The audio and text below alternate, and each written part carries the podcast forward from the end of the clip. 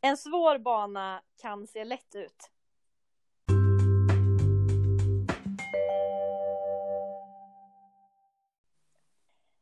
Hej och välkomna till avsnitt nummer tre av Kaninhopparsnack med Karin och Sandra. Jag tänkte innan vi hoppar in på dagens ämne Sandra, du som ändå var och tävlade i helgen, kan inte du berätta lite om hur det fungerade med den här uh, nya korrigeringsregeln som vi pratade om i avsnitt nummer ett? Ja, självklart. Det märks att domarna, att det är en ny regel som är på gång och att det uppstår diskussioner under Kista. Det är en större tävling. Det känns som att det blir mer press på domarna. Vilket märktes och kändes av.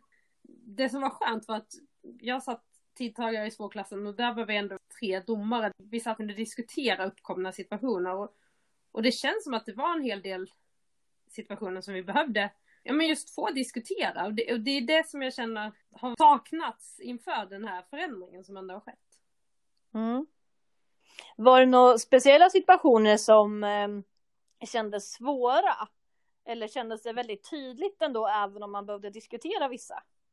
Nej, men mycket var absolut bara få diskutera det. Lite, ja men tycker ni det här är en korrigering? Ja eller nej.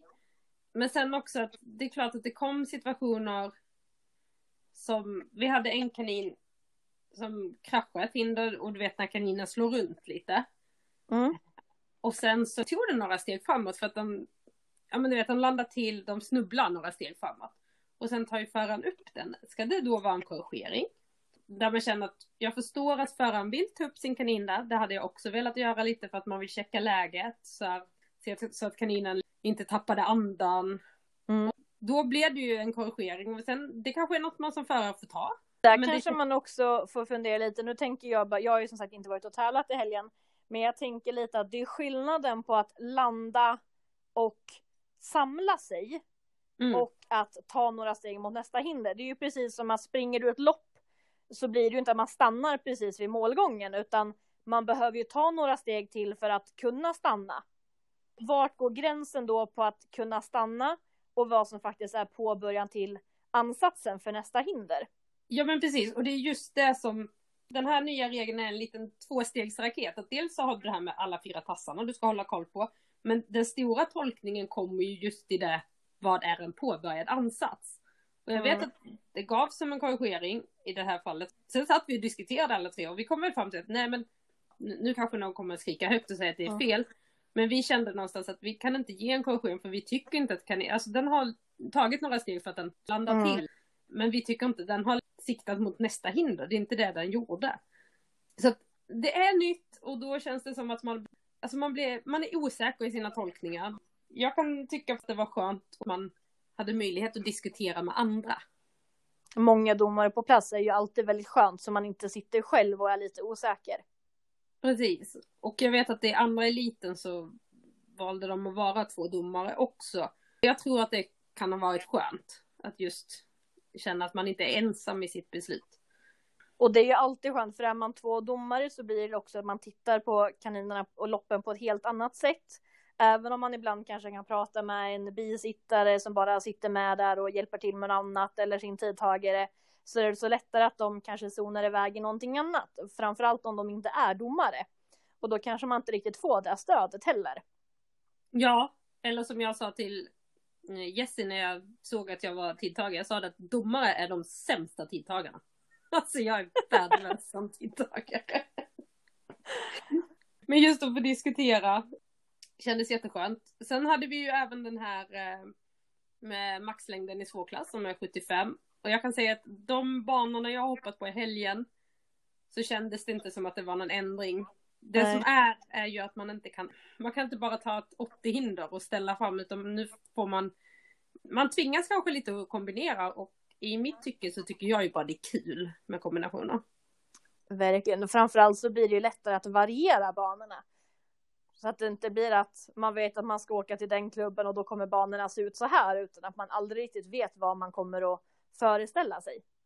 Det som, det känns inte som att kaninerna eller förarna, alltså fem centimeter för kaninernas skull så tror jag inte de märkte någon skillnad så av det.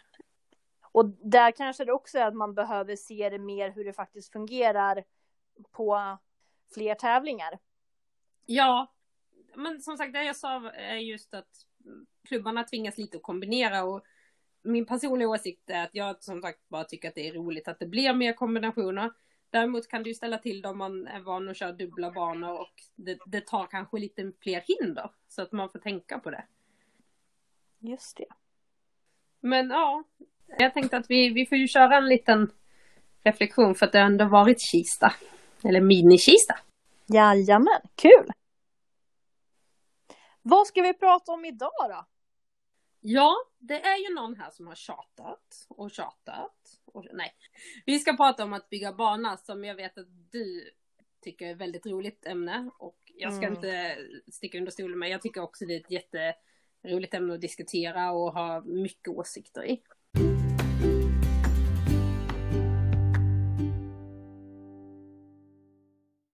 Men jag tänker att det är din dag idag Karin. Ja, oh, härligt! Eh, men det är lite som jag sa i förra avsnittet, att jag tycker det är jätteroligt att bygga banor. Nu kanske jag inte riktigt är på samma nivå som man var förr när man byggde mer regelbundet. Men jag tycker fortfarande det är väldigt kul att tänka till och verkligen få ihop en bana som eh, är klurig, även för rutinerade kaniner. Så att alla får tänka till lite som ett ekipage jag ska ju försöka inte höja ditt ego allt för mycket, men du är ju en av dem som jag verkligen ser upp till inom barnbygge och försöker liksom efterlikna mycket och försöker lära mig av hur du tänker, för jag tycker det ja, men just att ta det lite till en annan nivå, att det inte bara ställa fram hinder, utan att man har en tanke med vilket hinder och vad det står. Det är ju även någonting som är väldigt viktigt för mig och jag tänker nog mycket mer när jag bygger en bana än än genomsnittet. Just att varför ett visst hinder står just där eller varför de där kommer i följd. Så skulle det vara så att jag kanske behöver eh, flytta ett hinder på grund av en sväng så kan det vara lite att min plan försvinner och att jag då hellre väljer att bygga om en hel bana. Apropå det här med plan så tänker jag att även om det är ett litet ämne så är det ändå, det finns ganska mycket delar i det. Så vi har ju försökt göra en liten punktlista idag vad vi ska diskutera. Så första är rakbana och krokbana, alltså lite saker som är samma oavsett vilken bana vi har att göra med. En bana för mig behöver jag ha en tanke bakom oavsett vilken klass eller oavsett rak eller krok. Att man ändå har den här planeringsfasen. Varför är de vart egentligen? Varför står just det här hindret först? Varför står det här hindret i mitten? Tänker vi ska diskutera lite just, jag tänker rakbana och krokbana, lite skillnader och lite likheter. Det jag tänker först lite att man tänker efter vad man har för tävlingsplats. Passar det för båda typerna? Mm. Eller är det bara den ena som funkar? Man kan inte ha en hur stor tävlingsplats som helst. Och där kan man ju också tänka lite grann på, ska man ha enkel bana? Ska man ha dubbla banor? Vart ska man placera vilken bana? Så att man inte har någon bana som det ska vara jättemycket folk på väldigt långt bort. För då kan det ta väldigt mycket extra tid bara det här att förarna ska ta sig till banan och till framhoppningen. Och sen har vi ju det som vi inte kan styra över, det är vädret. Tänk om vi kunde styra över det. Vad mycket mer fantastiskt våran sport skulle kunna vara vissa dagar. Samma året då. Att man faktiskt planerar på hur kommer solen röra sig? Och det är ju alltid viktigt. I rakbanan blir det ju mycket tydligare. Och där tycker jag generellt att klubbar är bättre på att komma ihåg det. Sen när det gäller krokbana blir det ju minst lika viktigt hur står hindren. För det är ganska tråkigt när man kommer eh, och sen byter de klass till exempel. Man kanske har stängt ner banan och sen helt plötsligt står det största hindret rakt mot solen mitt på dagen. Att man då får vara beredd på att kanske byta plats på hindren.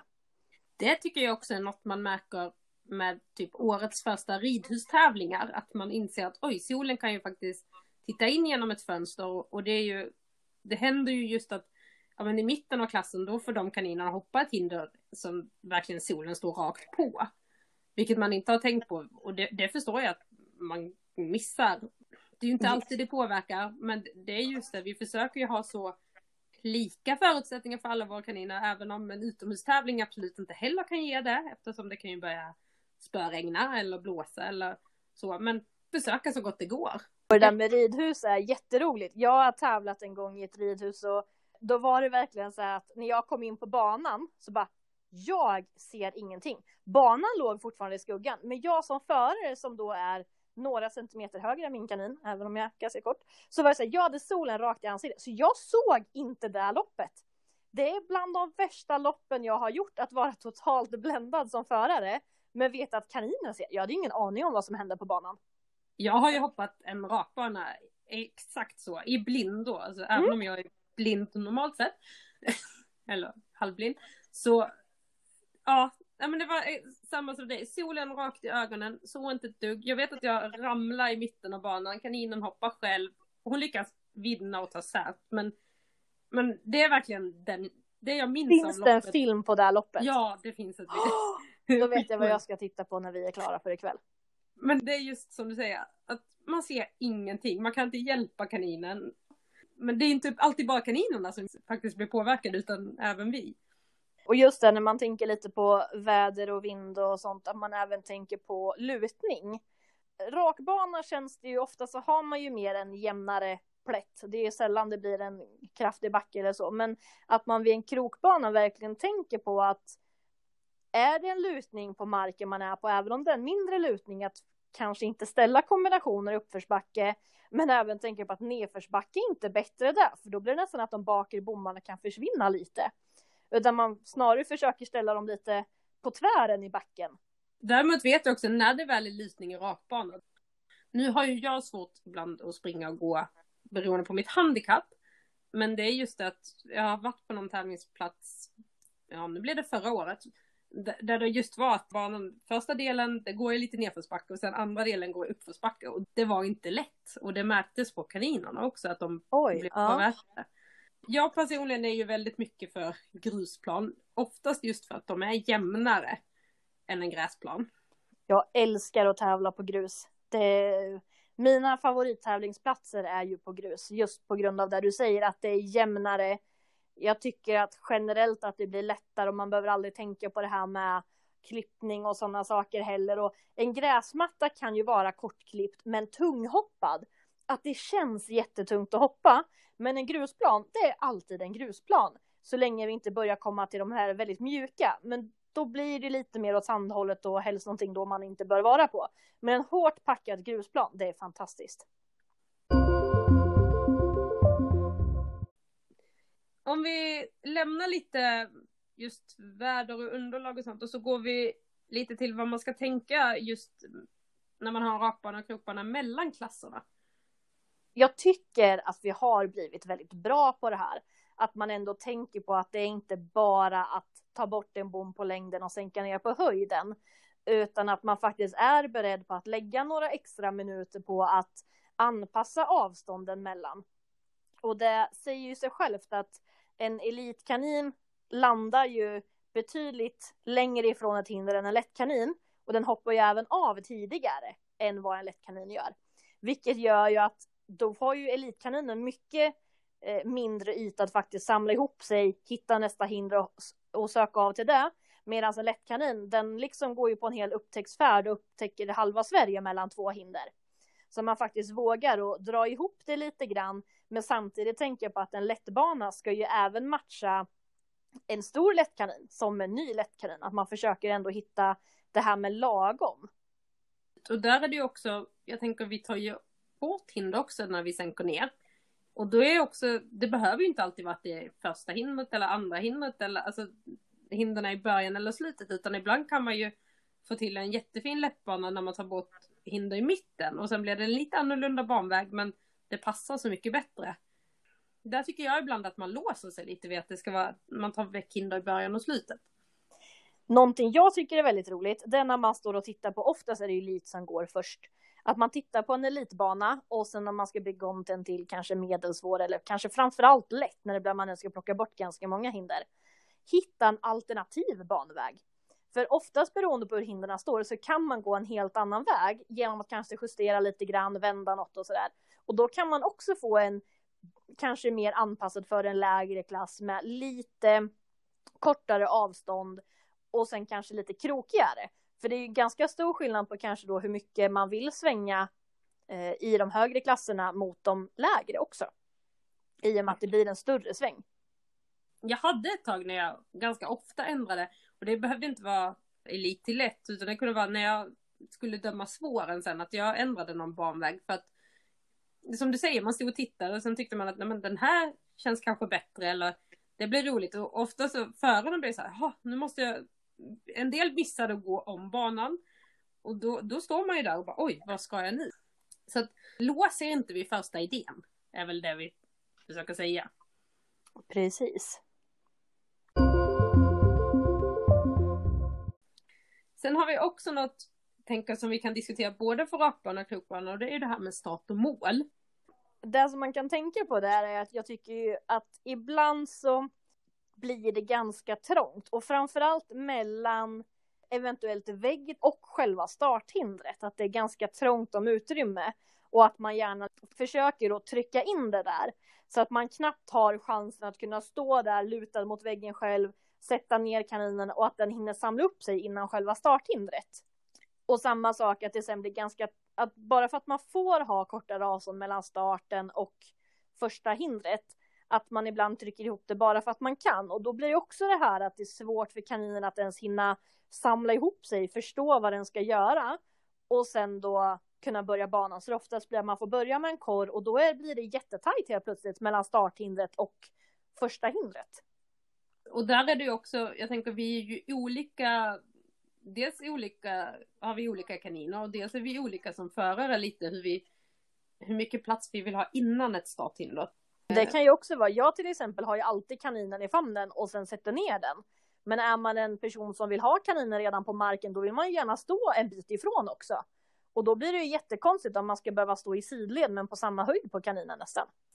Som du säger, man faktiskt tänker på det att det också behövs utrymme för för start och målhindret. Och mål, har man för tajt, man är mm. inomhus, har man då för tajt efter målet då är det oftast att sista hindret att kaninen upplever det nästan som att hoppa in i den där väggen.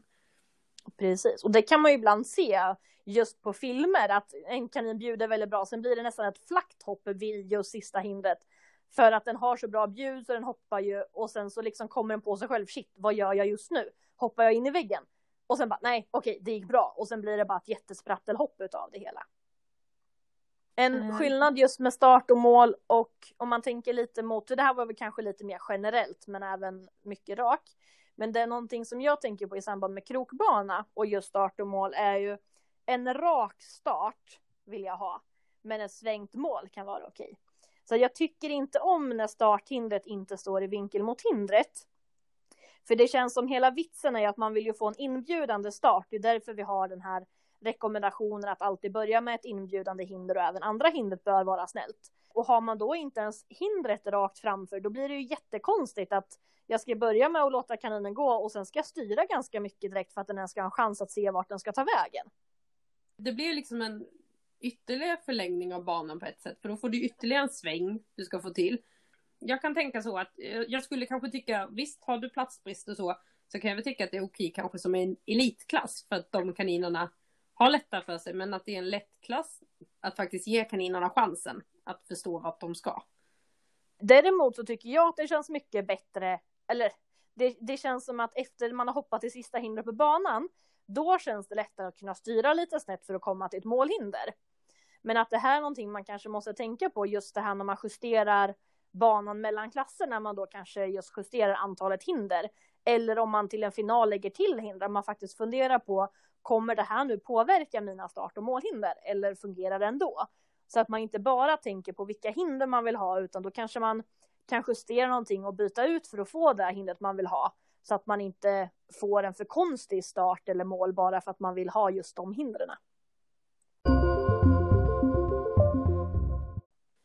Som de flesta säkert förstår så kommer det här avsnittet bli väldigt mycket krokbana för det, det är där det finns mycket att diskutera. Men jag tänker om vi går in på rakbanan. Hur tänker du när du bygger en rakbana, Karin? Jag har nog ett ganska udda sätt att bygga banan på, tror jag. Först och främst så funderar jag ju på, ja men där vi precis pratade om det här med väder och vind, i vilken riktning ska min bana gå? Vart har jag minst plats? Är det i början eventuellt av banan eller är det i slutet? Vart det kanske är begränsad av buskar, träd, väggar, hus, ja men helt enkelt vart vart det är tajt.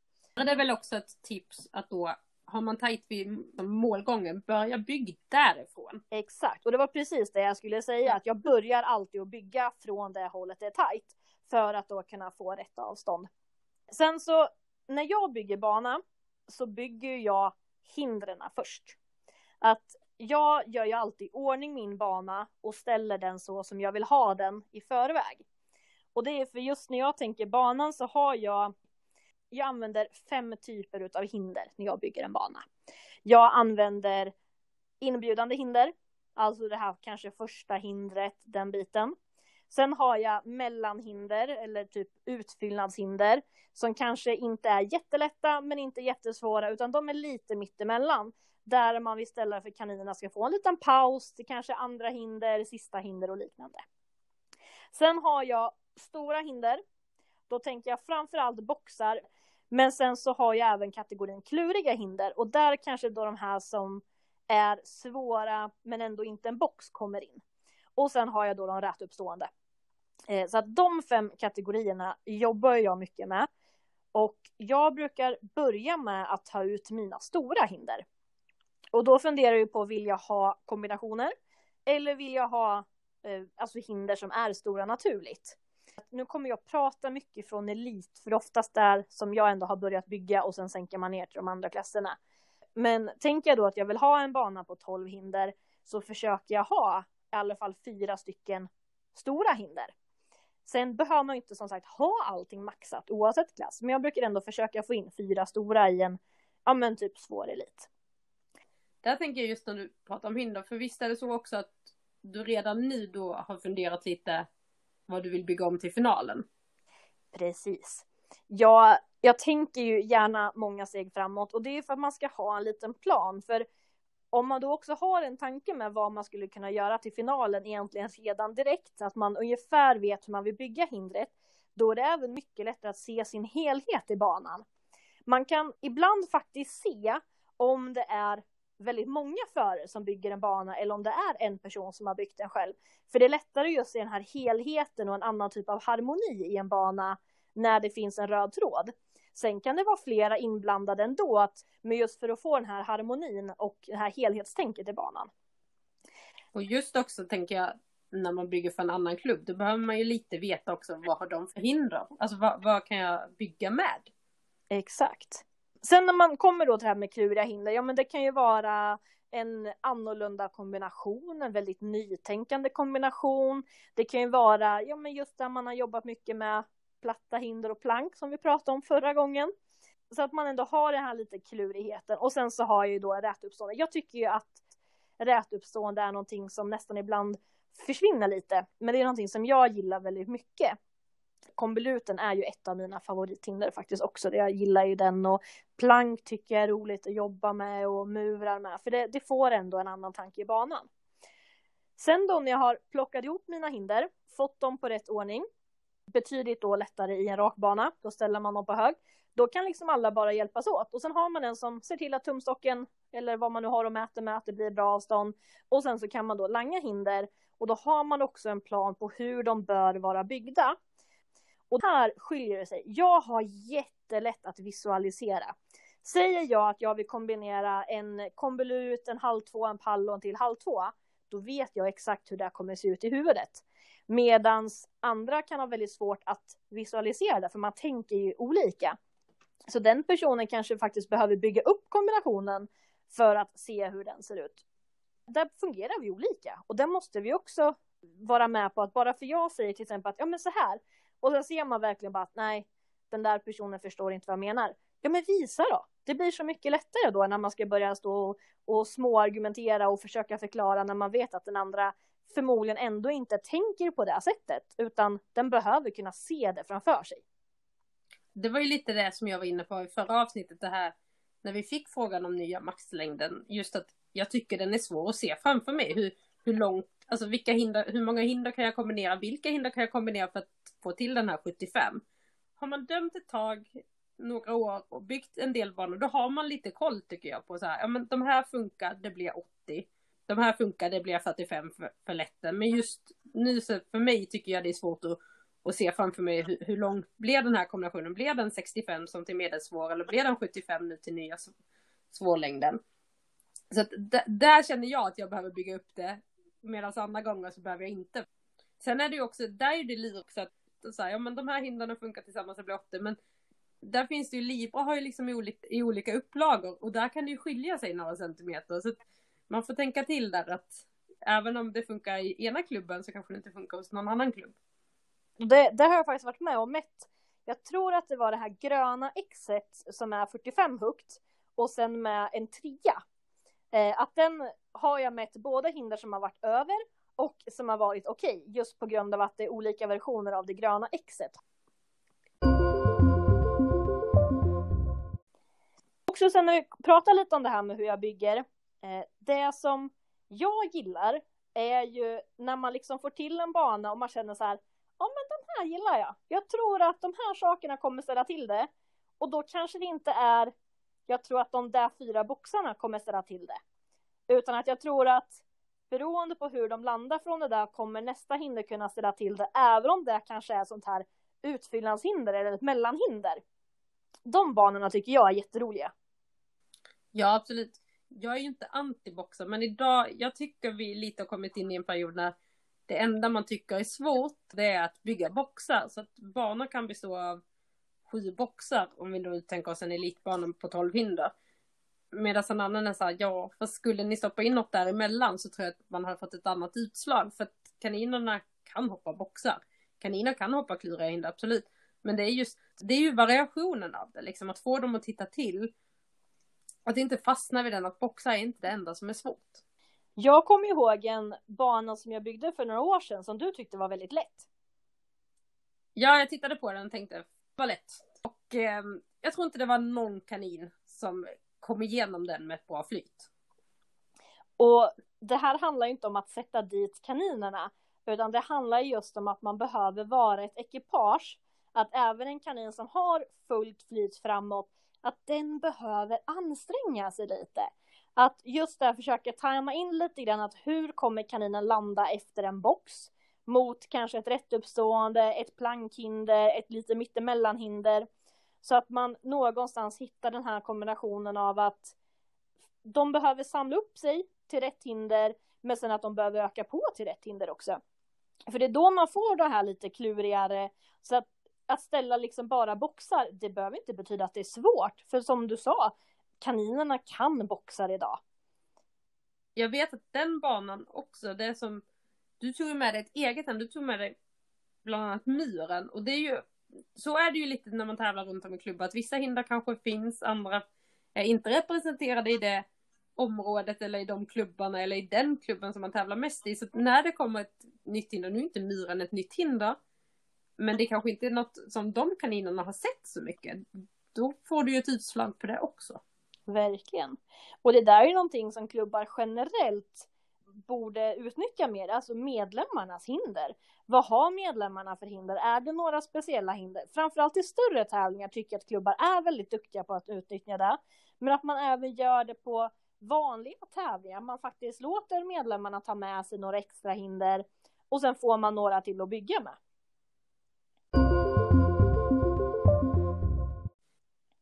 Karin, du lovade mig att vi inte skulle ha en och en halv timmes podd idag, så jag tänker att vi går vidare. Mm. Vi har pratat om rakbana, då går vi vidare till den lite större delen mm. i det här avsnittet som då handlar om krokbana. Vad är en krokbana för dig? En krokbana för mig är krokig. Den ska svänga åt båda hållen. Den ska korsa sin egen väg, gärna mer än en gång, framförallt i högre klasser. Den ska ha olika långa svängar. Den ska ha olika mjuka svängar, alltså att olika mycket svänger. Och den ska även ha möjlighet att man ska välja fel hinder. Nu menar jag inte att man ska lura kaninerna, men jag vill ändå att det ska finnas ett läge där här måste föraren vara med och styra lite. Kaninen ska inte i en grundomgång kunna veta exakt vilket hinder den ska till. Det är en krokbana för mig. Jag läste igenom domarhandboken inför det här avsnittet just för att se lite vad där står om bygga bana. Och där står någonting som jag tycker man kanske glömmer bort lite ibland, som jag tycker är ganska bra.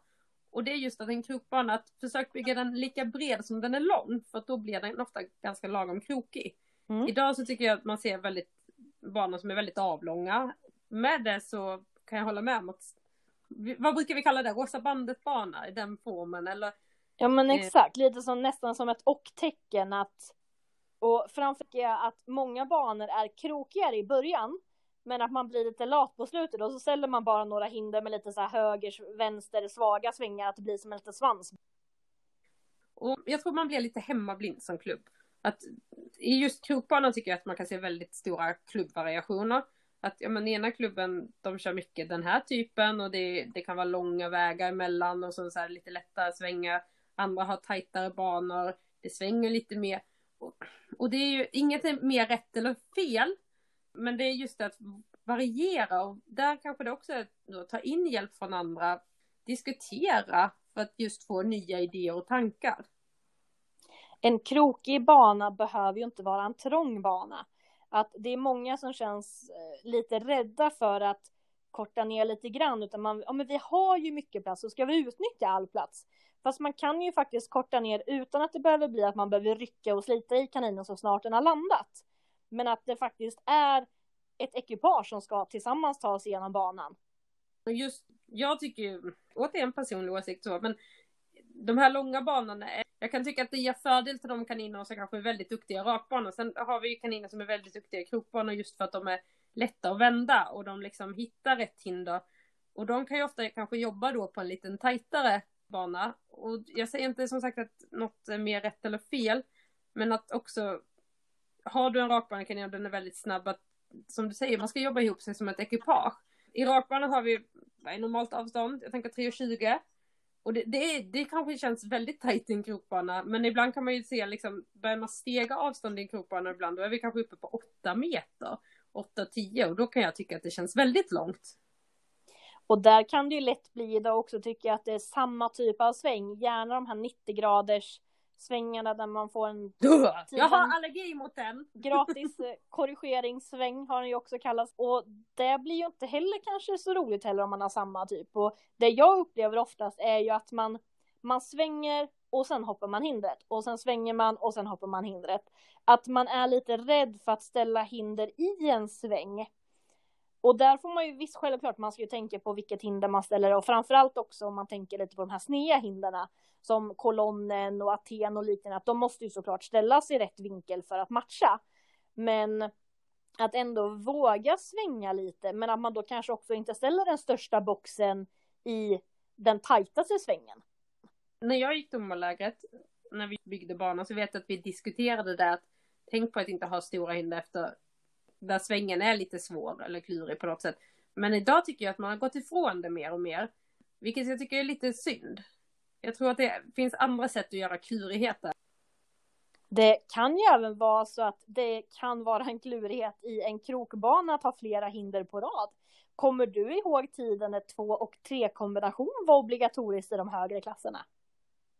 Jag kommer inte ihåg inom SKF, men jag tävlade i, i KAF. Då, då var det en regel mm. att det skulle vara så. Det som man pratar om då är ju alltså inte att man ska kombinera två och tre hinder, utan att någonstans på banan ska det finnas två stycken hinder på rad.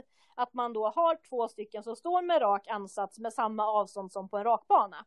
Och att någon annanstans så har man tre stycken hinder på rad.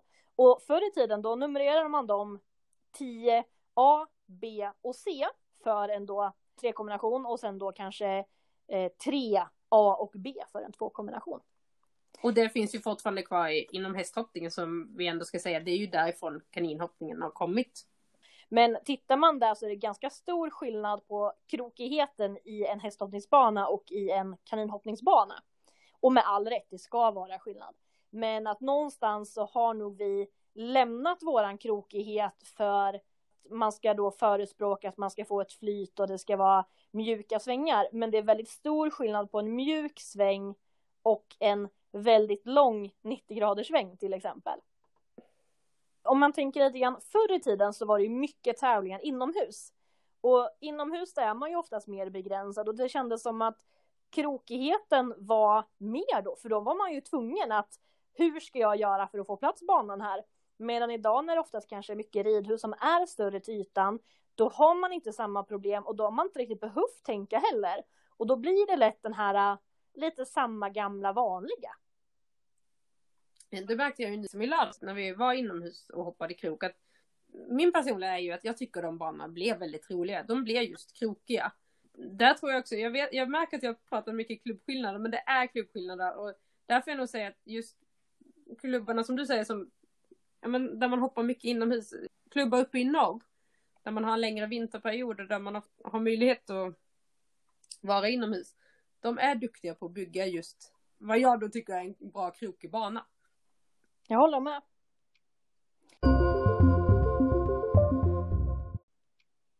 Någonting som jag också tänker ganska mycket på är ju det här med framhoppning. Det står ju faktiskt att framhoppningen ska ju matcha klassen och följa de övriga reglerna som vi har. Och det vet jag att du inte riktigt håller med om att det följs. Nej, precis. Det är ganska många gånger jag kommer på tävling och då blir man så här, ska jag vara den här surkärringen som säger till? Men vi har ju ändå, som du säger, vi har regler som säger att det är samma regler för framhoppning som för bana. Och då tänker jag framförallt på den här regeln där svängen bör inte överstiga 180 grader, det vill säga att man gör en halvcirkel, en sån sväng. Men ibland tycker jag att hindren står som vi pratar om som ett Y eller som ett T där man har liksom två hinder efter varandra som är i rakbana. Och sen har man det tredje hindret så att du får göra typ ett trekvarts varv. Vad blir det? 270 graders sväng för att komma på det tredje. Och, och jag tycker det, jag får inget flyt i en sån framhoppning. Jag tycker det är väldigt tråkigt att hoppa en framhoppning där jag lite känner att jag kan ge kaninen en chans att förstå att det är krok vi ska hoppa. Utan vi hoppar rakbana och sen tar vi och hoppar någon jätte, går vi någon jättekonstig sväng för att hoppa ett hinder till. Och där kan man ju så enkelt lösa det genom ett fjärde hinder. Det står att det ska finnas minst tre hinder, men det finns ju ingenting som säger att du inte får ha ett fjärde hinder där. Och någonting som jag gillar också när man tänker framhoppning, det är ju att man först och främst inte bara tar skräphinder. Spara så det finns någonting bra till framhoppningen med. Ha inte de här hindren med tusen bommar, jag tänker krysset. Det är helt hopplöst. M, det, det, alltså när en kanin väl river och de, alla bommar ramlar, det tar sån tid att sätta upp det där. Oftast så har du inte hjälp på framhoppningen. Visste du att jag har varit på ett SM där krysset stod på framhoppningen och de efter att de två första kaninerna hade hoppat fram frågade om de fick byta hinder på framhoppningen. Men det är väl klokt att göra det, ja. tänker. Och det, det vart ju så tydligt för att även om det var en person som hjälpte till där att då sitta upp de här, vad är det, hur många bommar är det på krysset? 10-15 mm. bommar? Ja men precis, det måste vara dubbla. Ja, och absolut inte inomhus. Då är det verkligen inte värt det. Som du säger, inte bara skräp, gärna någonting som kanske är just framhoppning också som är maxat. Eller som man i alla fall har möjlighet att maxa upp både längd och höjd på. Och även boxar kan det ju vara lite svårt med att man har en del hinder som går att hoppa från båda håll. Och framförallt om man kanske lägger in ett fjärde hinder, ja men vi har inte så mycket hinder kvar, men vi har bron eller vi har pyramiden, de här hindren som är lätta att hoppa från båda håll, för att då kunna få lite mer flyt och kunna välja riktning. För det är samma sak där, en framhoppning som går helt i en cirkel, det blir ganska jobbigt om man är den föraren som vill styra åt andra hållet. Så att man då ändå kan försöka att hoppa lite åt båda hållen och styra åt båda hållen även på en framhoppning. Men jag tänker om vi hoppar tillbaka lite till krokbanan. Mm. Och så tänker vi, mm, du pratade ju just om när du bygger rakbana att du börjar med hindren. Jag tänker när jag börjar med en krokbana, jag, jag, tycker det är kul att rita skisser, det ska jag säga. Och jag brukar faktiskt göra så att jag ritar en yttervägg. Även om det inte finns en yttervägg på tävlingsplatsen så tycker jag det är just det bra att ha linjer att hålla mig inom just för att få till den här krokigheten. Att bli lite tvingad att, ja men här måste jag kanske göra en sväng. Eh, det man sen ska tänka på med en skiss är ju att det är just en skiss, att man måste förstå att när man väl är på plats och man sätter dit hinder sen, att man, man inte låser sig vid den. När jag bygger krokarna, jag är ju den som, jag har gärna en skiss och sen så vill jag gärna gå banan och då lägger jag ut bommar där jag vill att hindren ska stå. Och sen går jag hela banvägen en gång eller flera gånger och väljer svängar efter det. Och Sen har jag ju hindren i nästa fas. Och sen kan jag, jag kan ju ändå ha tänkt ut kombinationer som jag vill ha. Men där är också det att jag kanske måste byta lite ordning på dem. För att det inte passar i den svängen. Och just det här med skiss, det är ju väldigt individuellt. Jag hatar skisser för krokbana. Och det är just det för att det är så svårt att få dem skalenliga. Vilket gör ju att det som ser jättebra ut på pappret är ju verkligen omöjligt att göra i praktiken. Och det är det som ändå är, men som du säger, att man lätt får planera om eller justera och sådär. Så att, eh, och där är vi olika och det är där man också då måste hitta. Är man en sån som vill rita i förväg? Vill man lägga ut bommarna? Eller tar man det mer som man kommer? Och där kan det också, vid krok, tycker jag att det är jättebra om man är två. Typ en som tar banväg och en som håller på lite med hindren med. För då får man oftast en, en annan tanke på själva kroken att man kan hjälpas åt på ett helt annat sätt med banvägen. För den är mycket svårare än på en rakbana såklart. Och just det här att man tänker på, ha gärna någon som går på varje sida. Att man då tänker på, jag till exempel går ju på vänster sida, men ha gärna då någon som går på höger också, så att man verkligen kan jämföra, bara, hur blir svängen? Och tänk alltid på när man går banan i en sväng att kaninen är ju inte på min höjd. Så vart kommer jag som förare vara när min kanin landar? För ibland kan det vara man tänker, ja men det här finns ju jättemycket plats när man går själva kaninens banväg. Men när man då som förare bara, ja fast om kaninen är en och en halv, två meter framför mig, då kommer inte jag kunna ha någon kontakt med den i den här svängen. För då kommer den vara så pass snäv så att jag kommer upp före den till exempel. Ja, och där också. Jag väljer helst att gå på höger sida. Sen vet jag att jag byter sida i krokbana. Men har den då som placerat ut nummerskyltarna, går den på vänster sida, då sätter den gärna nummerskyltarna på höger sida. Det är en skitsak känns det som, men det är också så här, det är ganska många gånger man kommer i en sväng och bara, varför står nummerskylten på min sida när jag har tajtast väg och försöka ta mig förbi här? Eller dekorationer eller vad det nu är.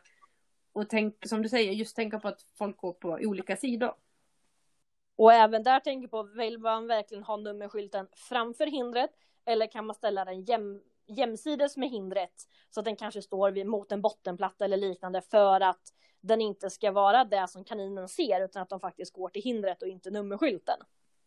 Men där tänker jag, just det du också sa, att var flera, jag vet ju, vi byggde ju en bana ett på natten, kan det ha varit så sent?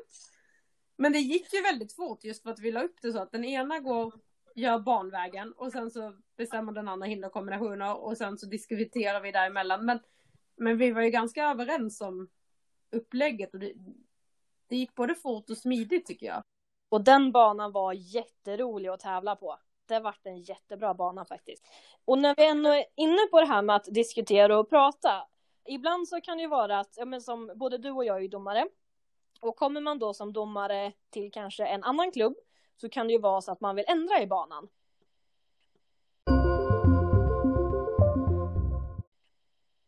Och här är det två saker jag vill prata om och då är det från banbyggarens syn på det och från domarens sida.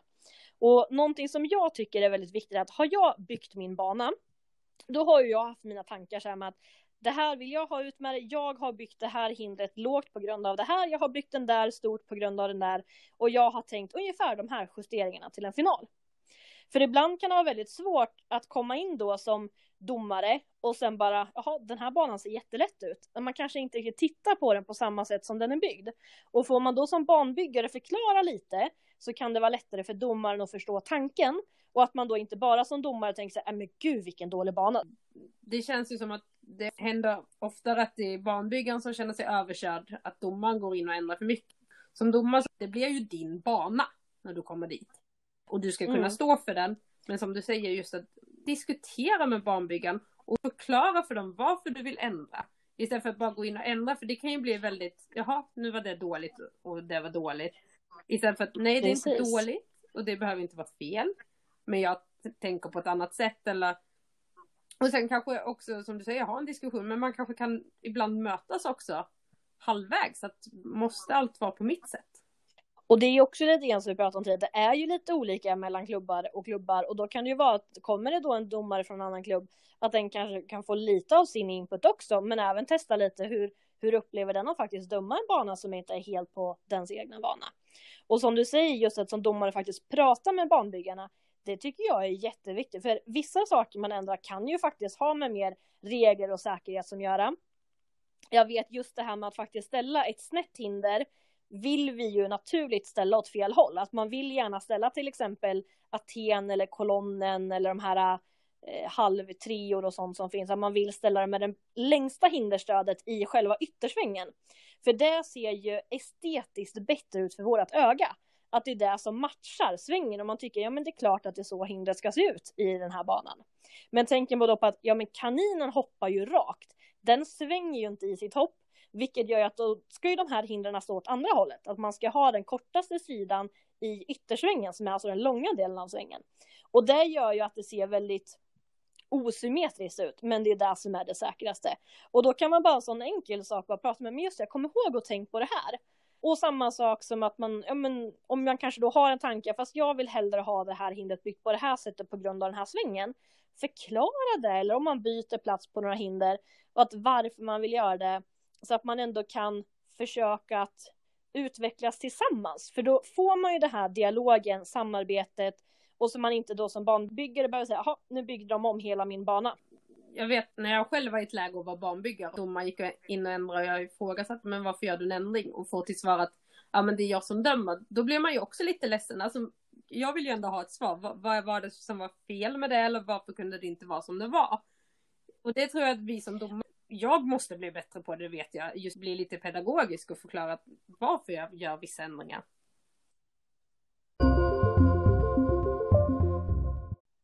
Och det där är ju även minst lika viktigt när en person, ja men sen när man säger, ja men nu är jag nöjd med banan, den är öppen att gå. Och sen så kommer det fan någon och klagar på någonting eller påpekar, kanske låter trevligare att säga. Och då får jag fundera så här, håller jag med om det här? Och då måste jag ju börja så här, ja eller nej.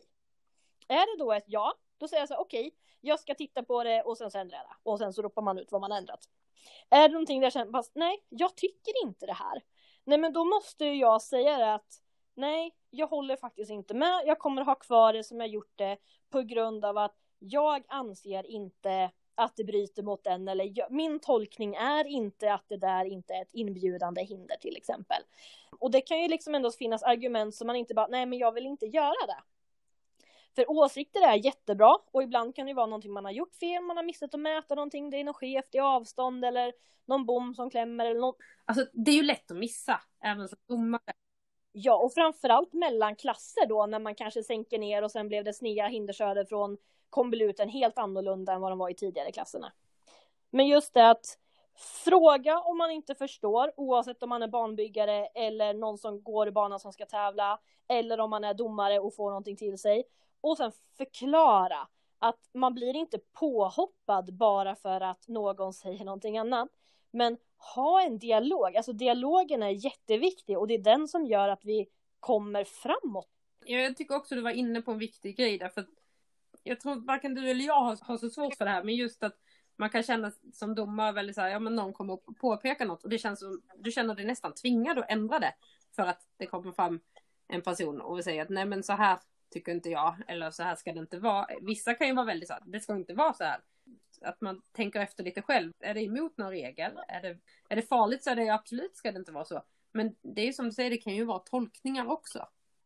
Och just det här med dialogen som vi är inne på, det att om vi inte pratar, då kommer vi inte kunna lära den nya generationen. Förklara hur man tänker och jag vet, jag var på en tävling förra året eh, och dömde bara. Sen så satt jag och pratade mycket med min tidtagare och som ändå var relativt ny och förklarade lite hur jag tänkte när jag ändrade till final och sådär. Och, och det är ju jätteintressant att lyssna på hur andra gör och framförallt när man är lite nyare så man inte bara nu vill jag ha det här hindret och sen vill jag ha det här. Utan att ja, men jag tänker att jag vill faktiskt ha det här hindret för då vet jag att kaninerna kommer med ganska bra flyt. Och nästa hinder, där vet jag att där behöver de titta lite för att kunna få ett bra språng. Och då väljer jag att sätta det här hindret för att ändå försöka få det till en att även om det inte är en box så kan det vara ett hinder som rivs mycket.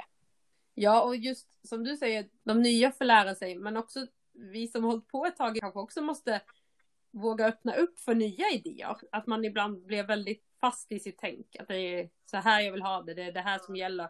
Jag har alltid tyckt illa om den här kombinationen. Nej, men att man vågar se det som du säger från andras synvinkel. Och testar vi inte, då vet vi inte. Är det någonting vi tror kan bli farligt, självklart då ska vi inte testa. Men är det någonting som man är så här, men jag tror inte det där kommer vara svårt. Nej men ta det som ett sånt här utfyllnadshinder och testa. Var inte rädd för att ha någonting som man inte är helt hundra på när det gäller kanske då svårighetsgrad så länge man inte tror att det här kan bli farligt.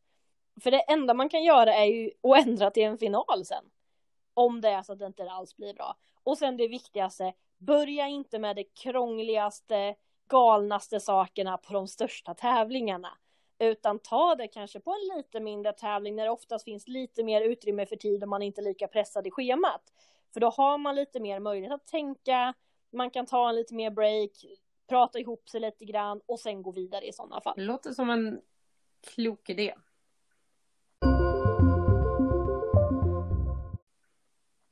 Det känns som att vi kan göra tusen avsnitt om det här. Det är ett jätteroligt diskussionsämne. Och vi vill jättegärna ha tips på idéer, vad ni vill att vi ska prata om. Så bomba oss med ämnen. Nästa gång ska vi prata något som har efterfrågats. Jag vet att vi tycker nog att det kanske blir lite laddat. Men jag tänker att vi ska prata inavel. Inavel rakt upp och ner. Och så får vi se hur det tas. Spännande. Om vi blir halshuggna efteråt. Mm. Då kan vi väl bara säga att då blir det ingen mer podd. Nej men exakt, om det är så att ni tänker halshugga oss då blir det lite jobbigt. Men om man då tänker på det här ämnet så skicka in, vad har ni för tankar? Vad vill ni att vi ska prata om när det gäller just inavel? Vad tycker ni är det svåraste? När det är, vart går gränserna eller vad är inavelsprocent och vad är inavel helt enkelt? Att man försöker att fånga upp lite fler delar. Nu har vi suttit och pratat typ en timme om hur man bygger banor så att ni kan ju räkna med att vi kan prata länge.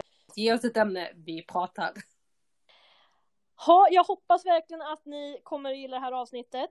Eh, jag hoppas att ni eh, har fått lite tankar och idéer som börjar snurra lite grann och kanske lite inför den nya säsongen vi har framför oss här med kaninhoppningen med att våga testa lite och ha en ännu större dialog både i klubbarna och mellan klubbarna.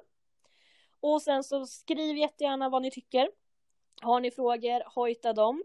För er som vill ställa era frågor eller kommentera någonting så finns vi på Instagram under kaninhopparsnack. Där kan ni skicka både privata meddelanden om ni vill det eller kommentera på någon av bilderna. Sen har vi även en mailadress Karin. Kaninhopparsnack.gmail.com Kan också nämna det sista i det här avsnittet innan det är dags att avrunda och det är att det är väldigt många som har frågat om var podden finns. Jag har nu lyckats få ut den även på Acast. Men annars så är det Spotify, Acast. Vi jobbar på att få ut den på fler ställen. Men det är kanske inte just nu vår prio. Förhoppningsvis i framtiden ska, ska ni kunna hitta den även på andra plattformar. Spotify känns ju ändå ganska enkelt att kunna komma åt så jag hoppas att det är många som hittar den där igenom. Precis och eh, Acast använder jag själv så att eh, jag är glad att kunna lägga den där bland mina egna prenumerationer. Lyssnar du på oss själva Jag måste ju lyssna igenom avsnittet för att hitta alla felklippningar och alla liksom som jag inte har lyckats klippa bort. Härligt. Kul att jag fick eh, prata mycket om ja, banor. Du...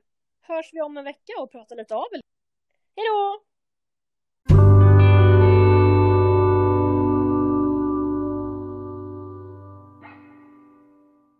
Start och mål. Även om det skiljer sig lite eh, i krokbanan för att man kan eh, anpassa det lite mer. Rakbana så det ska stå innan första hindret och efter sista hindret. Ja, det var en dum fråga för det ska jag säga.